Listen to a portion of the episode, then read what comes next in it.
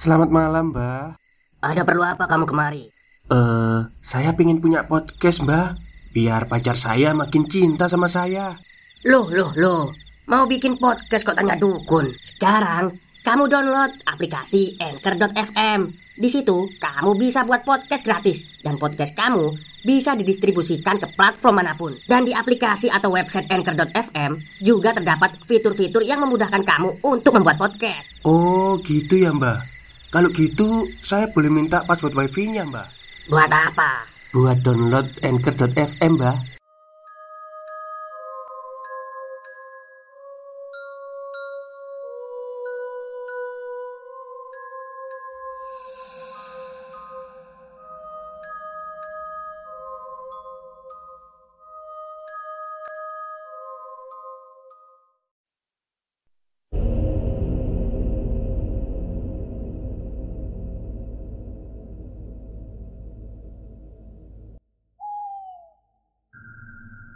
Assalamualaikum warahmatullahi wabarakatuh. Halo semuanya Jumpa lagi dengan saya Chow Sing Sing Kurator dari podcast Horror Night Story. Halo apa kabar semuanya? Semoga kalian semua sehat-sehat ya.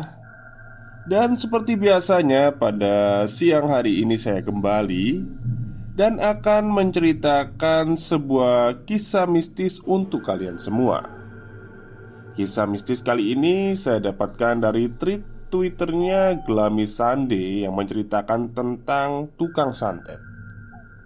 Seperti apa kisahnya? Mari kita simak. Jika dihitung, sudah dua tahun lamanya, ayahku mengalami teror santet yang sangat luar biasa. Awalnya ayahku tidak merasakan gejala apa-apa di dalam tubuhnya. Dan tidak ada keluhan sama sekali. Hingga suatu saat Tiba-tiba ayahku tidak bisa berjalan Dan tidak bisa apa-apa. Aneh bukan? Sudah dijelaskan dari awal ya Tiba-tiba ayahku mengalami hal yang tidak wajar seperti itu. Menurut orang Jawa ayahku terkena kembang amben atau kembang bayang. Jadi maksudnya, ayahku dibikin tidak bisa ngapa-ngapain atau sama halnya seperti orang yang mengalami lumpuh total seluruh tubuhnya. Dari kejadian itu, aku dan keluargaku langsung mencari pengobatan dari orang pintar. Feeling keluargaku ini ada kaitannya dengan hal-hal mistis karena secara tiba-tiba dan keadaan ayahku langsung dibuat parah tanpa ada gejala apa pun. Keluargaku mencarikan orang pintar untuk ayahku dari yang ilmunya biasa sampai ilmunya sangat tinggi. Orang pintar pertama kali yang ditemui keluargaku itu bilang kalau ada sesuatu benda gaib yang dipasang di bawah kursi kantornya. Dan aku belum mengerti benda macam apa itu. Maka dari itu, sebelum ayah terkena kembang amben, ayah ngerasa nggak betah saat berada di kantor. Dan setiap kali ayah dan aku pergi dinas ke kantor, bawaannya ngedrop terus. Padahal sebelumnya dari rumah ayah sehat, nggak ada keluhan sama sekali. Kemudian keluargaku manggil orang pintar yang pertama. Jadi keluargaku tidak ikut campur dengan dukun ya. Orang pintar yang saya maksud itu Ustadz. Sebut saja Ustadz Herman. Ustadz Herman ini berusaha mengambil benda yang ada di bawah kursi kantor secara gaib Juga di tempat ayahku bekerja. Waktu benda itu sudah diambil Kok ternyata si doi Orang yang mengirimkan teror santet ayahku sebut saja doi lah. Memasang benda gaib itu lagi. Itu pun yang lebih parahnya Memasang di sudut kamar orang tuaku. Gak tahu juga ya masangnya ada di bagian sudut mana. Yang penting gak bisa dilihat sama orang biasa Karena benda itu gaib. Bersamaan benda itu terpasang tiba-tiba jendela rumah langsung dilempar batu sama seseorang hingga kacanya retak. Salah satu anggota keluarga aku ngintip dari jendela. Siapa yang iseng lempar batu itu? Ternyata di luar sepi dan hening, tidak ada siapa pun. Kami sekeluarga langsung kaget, takut, dan ngumpul jadi satu dan beristighfar masing-masing. Keesokan harinya, ayahku dibawa menuju orang pintar yang kedua.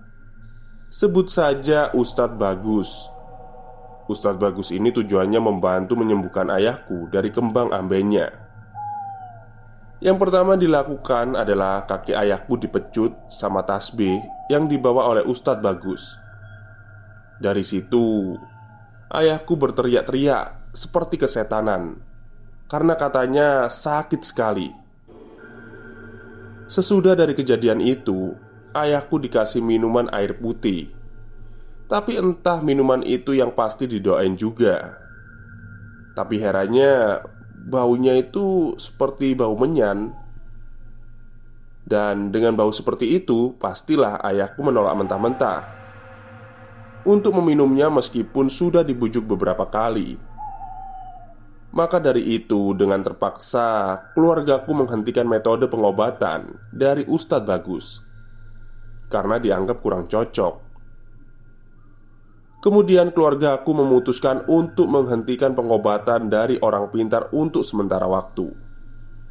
Karena juga melihat kondisi ayah yang kasihan, dan untuk sementara waktu itu, ayahku memperkuat ibadahnya serta anggota keluarga rutin mengaji di dekat ayah setiap saat. Dengan mendekatkan diri kepada Sang Ilahi, kupikir dengan melakukan hal itu, kondisi ayahku semakin lama akan semakin baik. Tapi tidak, malah semakin parah. Kondisi ayahku tetap gak bisa ngapa-ngapain. Nafasnya tiba-tiba tersengal-sengal, gak karuan. Dan di badan ayahku terlihat banyak bekas luka memar. Dan anehnya, bentuk luka yang ada di tubuhnya itu bermacam-macam. Ada yang bentuknya seperti wajah macan, ada yang bentuknya seperti muka orang.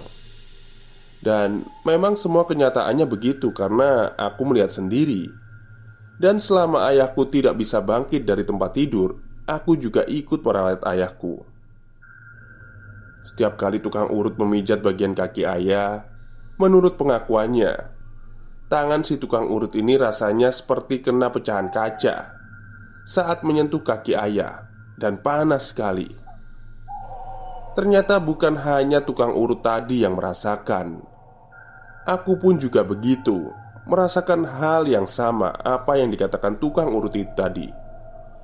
Jadi, setiap kali sesudah memegang kaki atau tangan ayah, aku disuruh mencari penghantar terlebih dahulu, yaitu dengan cara memegang besi dan membaca doa agar bisa menghilangkan sensasi rasa panas itu setelah memegang ayah. Kemudian, seiring berjalannya waktu, kami sekeluarga memikirkan hal yang begitu logis kami mencoba membawa ayah ke pengobatan medis. Kami mengantar ayah kontrol dan check up ke sana kemari. Tapi hasil pemeriksaan dan lab menunjukkan tidak ada penyakit apa pun yang ada di dalam tubuh ayah. Kondisi ayah saat itu masih tetap sama seperti awal, tidak bisa ngapa-ngapain. Badannya semakin kurus dan tidak nafsu makan sama sekali. Kemudian, di mana sampai pada puncaknya, keadaan ayahku semakin parah kondisinya. Beliau ngedrop, kemudian dibawa ke RS untuk opname. Sewaktu di CT scan, tetap saja penyakit ayahku tidak terdeteksi sama sekali, alias normal. Padahal kondisi ayahku sudah terbilang cukup darurat. Bahkan dokter, dan suster sangat penasaran dan heran karena memang hal ini tidak wajar. Kemudian salah satu suster memanggilku dan berkata Mbak, bantu saya doain papa mbak ya. Kalau pakai bantuan medis, nggak bisa mbak Karena sangat sulit untuk dideteksi. Dan mungkin dengan cara pakai doa, kita bisa menyembuhkan papanya mbak Di saat suster itu selesai bicara kepadaku Aku hanya bisa menundukkan pasrah Dan mengiyakan perkataan suster. Emang benar mbak. Ayahku terkena hal gaib yang gak wajar dari awal Batinku. Masa-masa itu akhirnya lewat begitu saja Karena ayahku sudah benar-benar pasrah. Seperti orang yang akan meninggal Akan tetapi aku yakin Ayahku pasti bisa sembuh. Berhubung doa kami selalu kami panjatkan kepada Sang Ilahi Pasti kami semua bisa mengalahkan hal buruk Apa yang terjadi sama ayahku. Dan ayahku bisa diselamatkan. Kemudian aku dibantu sama keluarganya temanku Sebut saja namanya Dion Keluarganya Dion ini memiliki Pak D Yang mempunyai ilmu kebatinan cukup tinggi Keluargaku dan keluarganya Dion sekarang saling terhubung Dan Aku pun menceritakan asal muasal kejadian itu ke Pak D-nya Dion. Kemudian Pak D mulai melakukan pengobatan pertama untuk ayahku. Ayahku diberi aqua botol besar yang sudah didoain oleh Pak D-nya Dion. Syaratnya air itu harus diminum, tapi diusahakan nggak boleh sampai habis dalam satu botol. Semisal air di dalam botol itu tinggal separuh harus segera diisi lagi sampai penuh seperti awal Sebelum diminum airnya jadi Harus selalu sambung menyambung gitu Nggak boleh sampai habis airnya Tapi Dengan cara metode itu Hanya bisa bertahan sampai 3-4 bulan saja Ayahku keadaannya lebih mendingan dari sebelumnya Kemudian lanjut lagi di bulan kelima ayahku pastinya kambuh lagi dan makin parah. Beliau tidak bisa bergerak sama sekali, layaknya mayat hidup. Di situlah kami sekeluarga menitikan air mata. Keluargaku menghubungi keluarganya Dion lagi. Kali ini Pak D-nya datang ke rumah kami untuk menengok kondisi ayahku. Pak D kemudian melakukan metode pengobatan yang kedua kalinya. Kali ini pengobatannya lebih ke hal gaib. Yang pertama, aku disuruh Pak D ambil satu cebok air mentah. Satu cebok air. Mungkin satu gayung air ya. Oke lanjut Di waktu aku mengambil air Pak D sedang nyiapin kembang bunga tujuh rupa Dan juga daun-daunan Aku nggak tahu itu daun apa Sesudah itu, semua anggota keluargaku dan Dion berkumpul dengan ayah dan juga Pak D. Saat itu menunjukkan pukul 11 malam. Pada saat akan melakukan metode ritual pengobatan, lampu yang ada di dalam rumah semua dimatikan dan keadaan menjadi hening. Di situlah Pak D mulai membakar dupa. Tiba-tiba anggota keluarga lainnya disuruh mundur oleh Pak D. Dan jangan terlalu dekat dengan Pak D dan juga ayahku. Kami sekeluarga selama melakukan ritual itu hanya bisa berdoa dan beristighfar dalam hati. Pak D mulai duduk bersila di hadapan ayahku Sambil memejamkan matanya Begitu juga dengan ayahku yang hanya bisa terbaring sambil memejamkan matanya. Lalu tiba-tiba Pak D seperti orang yang kesurupan Seperti orang yang bertengkar. Aku ikut memejamkan mata Tapi berusaha ngintip apa yang dilakukan oleh Pak D Dengan keadaan gelap di situ. Aku bisa Melihat sosok gaib berwarna merah. Badannya begitu besar Membelakangi Pak D Bertanduk Tetapi mukanya nggak kelihatan Aku kemudian menutup mataku rapat-rapat dan beristighfar dalam hati. Pak D ternyata sedang bergelut dengan makhluk itu habis-habisan. Beberapa menit kemudian, Pak D tiba-tiba memakan daun yang disiapkan olehnya tadi sebelum ritual. Daun-daunan itu lumayan banyak sekali. Pak D melahap semuanya beserta kembang tujuh rupa tadi. Kemudian, beliau meminum air di dalam air mentah yang aku ambilkan tadi hingga habis. Kemudian beliau meminta aku mengambilkan air mentah itu lagi dan diminum hingga habis juga. Di saat beliau melakukan itu, matanya masih tertutup rapat. Gak lama kemudian, tiba-tiba Pak D membuka matanya dan melotot. Beliau langsung lari menuju halaman rumah dan muntah-muntah. Waktu ayahnya Dion mengikuti Pak D, beliau melihat kalau Pak D memuntahkan rambut. Rambut itu banyak sekali keluar dari mulut Pak D. Otomatis semuanya kaget. Kemudian sesudah itu Pak D melanjutkan ritualnya kembali Kali ini Pak D meminta bantuan oleh ibunya Dion Kali ini posisi ayah diubah menjadi posisi duduk dengan bantuan Anggota keluarga lainnya Dupa yang lain dinyatakan, dinyalakan dan ditaruh di belakang punggung ayahku. Tugas ibu Dion membantu Pak D megangin dupa itu. Pak D tetap membaca mantranya. Cukup lama Hingga jam tepat jam satu dini hari. Kemudian Pak D menyuruh ibunya Dion melepas dupa dari tangannya. Kemudian ibunya Dion disuruh muterin dupa yang ada di belakang badan ayahku Ibunya Dion muterin itu posisi sambil menangis Kemudian ayahku merasa kalau punggungnya sudah mulai panas seperti terbakar. Stop, stop, kita break sebentar. Jadi, gimana? Kalian pengen punya podcast seperti saya? Jangan pakai dukun, pakai anchor, download sekarang juga gratis. Setengah jam kemudian ritual itu berakhir. Sisa dupa tadi ditancepin di tanah samping rumahku. Kebetulan Aku juga membantu nancepin sisa-sisa dupa Yang dibuat ritual tadi. Dan Ada keanehan yang muncul. Di saat aku mau nancepin sisa dupa itu Ke tanah Aku sangat merasa kesulitan sama sekali Gak bisa nancepin dupa di tanah itu Padahal hanya tanah berpasir tapi susah sekali, keras. Kemudian ayahnya Dion membantuku untuk nancepin sisa dupa di tanah itu dan akhirnya bisa. Lalu kami semua kembali ke rumah dengan posisi awal waktu melakukan ritual. Pak D kemudian mulai bercerita kalau yang sedang makan daun, kembang, dan minum air mentah itu ternyata bukan Pak D, tapi perewangannya Pak D yang membantu memusnahkan makhluk itu dari tubuh ayah.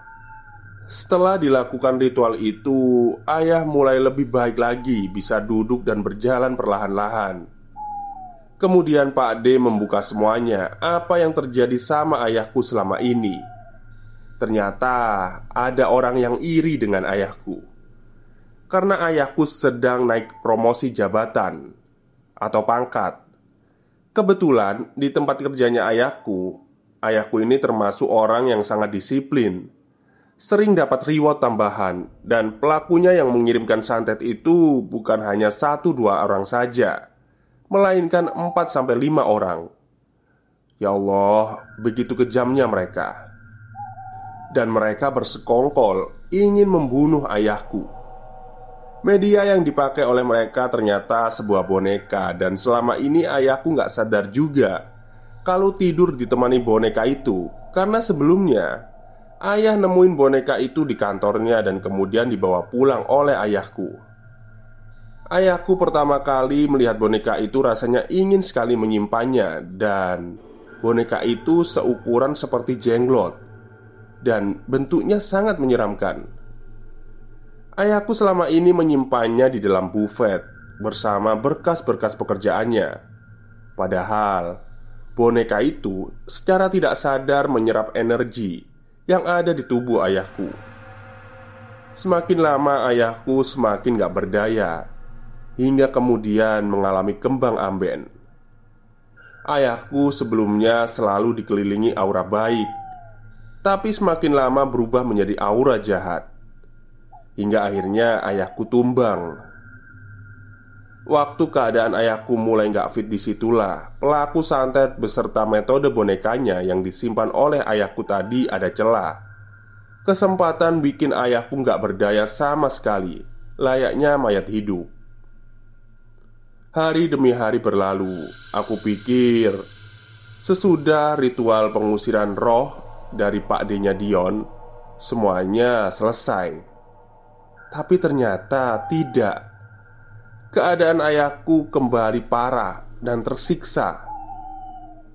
Setiap malam ayahku kesusahan buat nafas Sampai keluargaku memanggil dokter untuk memeriksa kondisi ayah. Mereka pikir ayah sedang sakit. Ternyata tetap saja Dokter yang memeriksa ayah berkata kalau ayahku tidak ada sakit apa pun Semuanya normal Sampai akhirnya dokter menyarankan untuk memeriksakan ke lab. Kemudian, setelah dilakukan pemeriksaan, hasilnya tetap sama saja, tidak ada apa-apa. Hingga setiap malam, ibuku selalu membacakan surat Yasin ke ayahku.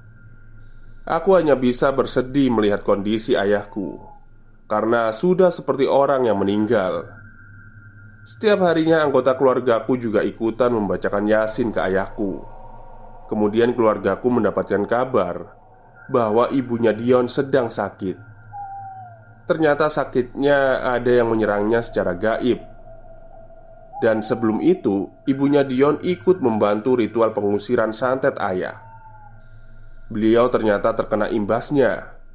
Seluruh badan ibunya Dion dipenuhi luka dan memar. Wajah ibunya Dion bengkak dan memar Seperti orang yang habis babak belur. Kemudian ibunya Dion juga bercerita ke keluargaku Kalau ibunya Dion Pernah mimpi sosok genruwo merah. Sosok genruwo itu merah Dan marah Dan menyampaikan pesan ke beliau. Eh, dengarkan.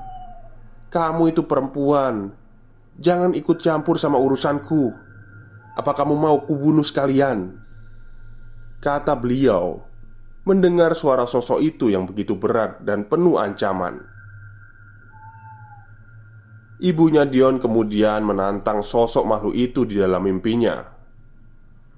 Walaupun kesaktianmu banyak Aku masih punya Allah Kalau niatmu membunuh semua manusia Allah juga akan membunuh semua rezekimu Dan segala yang kamu punya Lalu, aku, om, dan tanteku, kecuali ayah dan ibuku, kemudian kami pergi menjenguk ibunya Dion. Kondisi ibunya Dion memang sangat parah, seperti orang yang habis dipukuli oleh masa. Akhir pekan kami sekeluarga mengunjungi rumah Pak D-nya Dion Rumah asli Pak D-nya Dion ini berada di kota B. Karena sebelumnya Pak D sedang menginap di rumahnya Dion selama tiga minggu Karena feeling Pak D merasa ada sesuatu hal yang tidak beres. Pak D kenal dekat dengan aku dan juga keluargaku sudah lama Semenjak aku kenal Dion semasa SMK Jadi ibarat kami semua sudah saling menganggap seperti saudara. Pak D juga dulu menangani Dion di saat Dion sedang diguna-guna oleh mantannya sebelum aku. Alasan Pak D menginap selama itu karena ingin membantu ayahku juga. Di saat ritual pengobatan ayah selesai dan kondisi ayah terbilang cukup baik, akhirnya Pak D kembali ke rumahnya. Kali ini kami yang mengunjungi rumah Pak D. Meskipun rumah Pak D sangat jauh dari kotaku, kami semua harus nekat menemui beliau. Ternyata tempat tinggal Pak D sangatlah terpelosok. Ternyata rumah Pak D berada di antara hutan, dan hutan itu sering banget digunakan sebagai tempat pendidikan para tentara. Bisa dibayangkan betapa pelosoknya. Harga es degan di sana hanya 700 rupiah saja Sesampai di rumah Pak D, kami semua disambut hangat oleh Pak D serta keluarganya. Lalu kami dipersilahkan duduk di depan teras rumah Pak D. Tak lama kemudian, istri Pak D menyuguhkan beberapa cemilan kopi dan teh untuk kami semua. Di saat itu, keadaan masih normal. Kami berbincang seperti biasa. Tiba-tiba ayahku langsung berganti topik mengenai santet itu. Ayahku menjelaskan kalau santet itu ternyata belum selesai sampai detik ini. Bahkan ibunya Dion sempat terserang.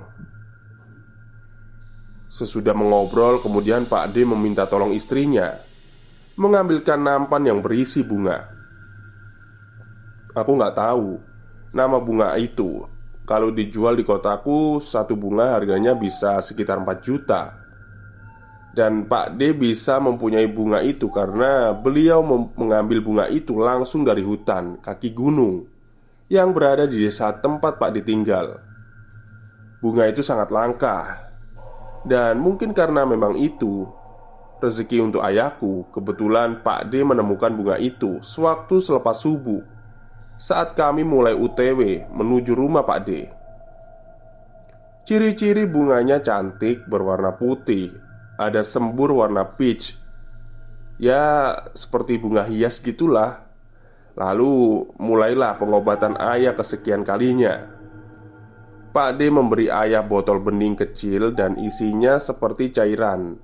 Pak D bilang kalau itu adalah minyak khusus yang sudah Pak D tirakati. Ayahku disuruh hirup cairan minyak yang ada di botol itu. Aku melihatnya ada sesuatu kejanggalan, yaitu minyak yang sedari tadi dihirup oleh ayahku. Tiba-tiba cairan minyak yang ada di botol itu lama-kelamaan semakin habis. Padahal cairan minyak itu hanya dihirup loh Tanpa dituang setetes pun Bunga langka yang sedari tadi ditaruh di tampan Kemudian diletakkan Pak D di sebelah ayahku Pak D menutup matanya dan mulutnya berkomat kamit membaca doa Tak lama kemudian tiba-tiba bunga tadi mengeluarkan asap dengan sendirinya Lalu berubah warna menjadi hitam gosong Sesudah itu, kemudian keluargaku bertanya kepada Pak D, "Mengapa bunganya berubah menjadi warna itu?" Kemudian Pak D menjelaskan kalau bunga itu adalah gambaran bagian dalam organ tubuh ayahku sekarang. Sudah dibuat sangat rusak oleh penyantet itu. Dengan kondisi organ ayahku yang seperti itu, sudah nggak selayaknya ayahku hidup. Cuman kami semua selalu menguatkan doa dan dibantu Pak D selama ini.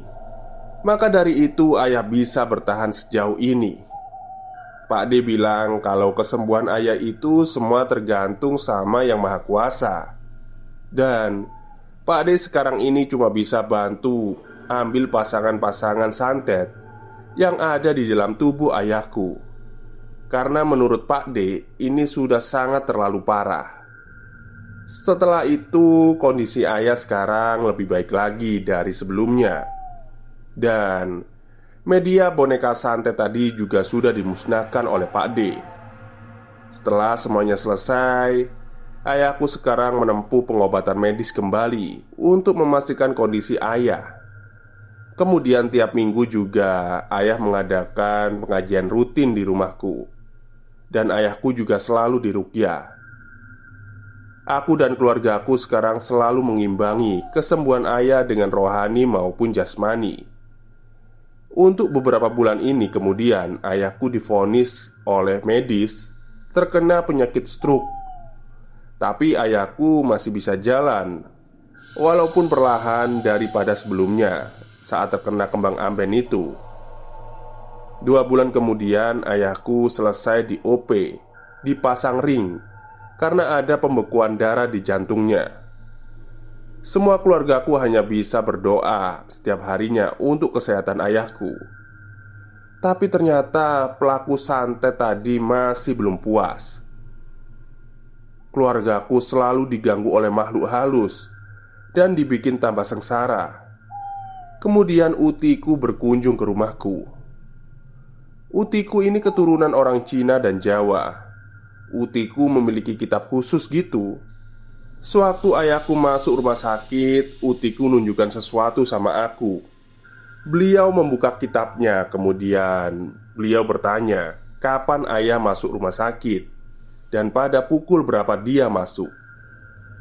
Aku menjawab, "Pada hari Rabu pukul 10 pagi, Uti." Di dalam kitab itu ada penjelasan mengenai hari masuk dan jam saat ayah sakit. Makna dari kita itu menjelaskan bahwa ayah sakit disebabkan oleh teman sebayanya. Dan memang sangat cocok seperti apa yang dikatakan oleh Pak D. Selama kami di RS, Utiku selalu membersihkan rumahku. Utiku kemudian memasang daun kelor Di setiap sudut kamar Supaya bisa menjadi penangkal gangguan hal jahat dan saat ini ayahku masih menjalani pengobatan rutin bantuan medis maupun non-medis seperti di Rukyah. Keluarga kami hanya bisa berdoa kepada Sang Pencipta untuk kesembuhan ayah. Keluarga kami tidak ada dendam sama pelaku santet. Biarlah Tuhan yang membalasnya sendiri. Akhir kata, saya minta doanya. Semoga ayah bisa cepat pulih dan mohon maaf bila ada kesalahan kata. Terima kasih. Baik, itulah kisah panjang dari tweet twitternya Mas Glamis Sande ya Yang menceritakan tentang Ini nggak tahu ya Mungkin anggota keluarganya atau keluarga temannya ya Yang terkena santet ini Wah kejam sekali ternyata santet itu ya Bisa sampai kayak gitu gitu loh Ya sedikit tips dari saya, kalau orang Jawa itu biasanya untuk menghindari hal seperti itu, itu rumahnya itu ditanamin daun kelor sama bambu pring ya, pring pring emas atau apa gitu ya, lupa. Pokoknya ada pring-pringnya gitu, sama sama daun kelor itu, sama pohon daun kelor. Jadi itu buat menetralisir santet atau teluh yang datang ke rumah. Tapi kalau yang di tempat kerja ya Ya kita cukup bisa berdoa saja lah ya. Semoga kita semua dihindarkan dengan hal-hal yang seperti itu. Oke mungkin itu saja untuk siang hari ini. Kurang lebihnya saya mohon maaf Wassalamualaikum warahmatullahi wabarakatuh